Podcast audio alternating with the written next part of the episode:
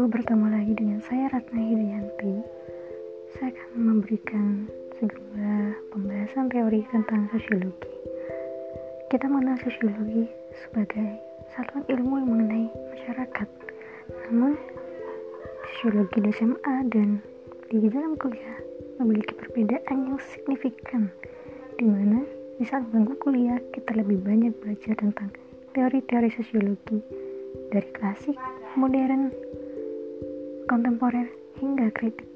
Nah, maka dari itu akan saya jelaskan beberapa teori-teori sosiologi mulai dari Emil Durkheim dengan beberapa buku yang saya rekomendasikan buat Anda.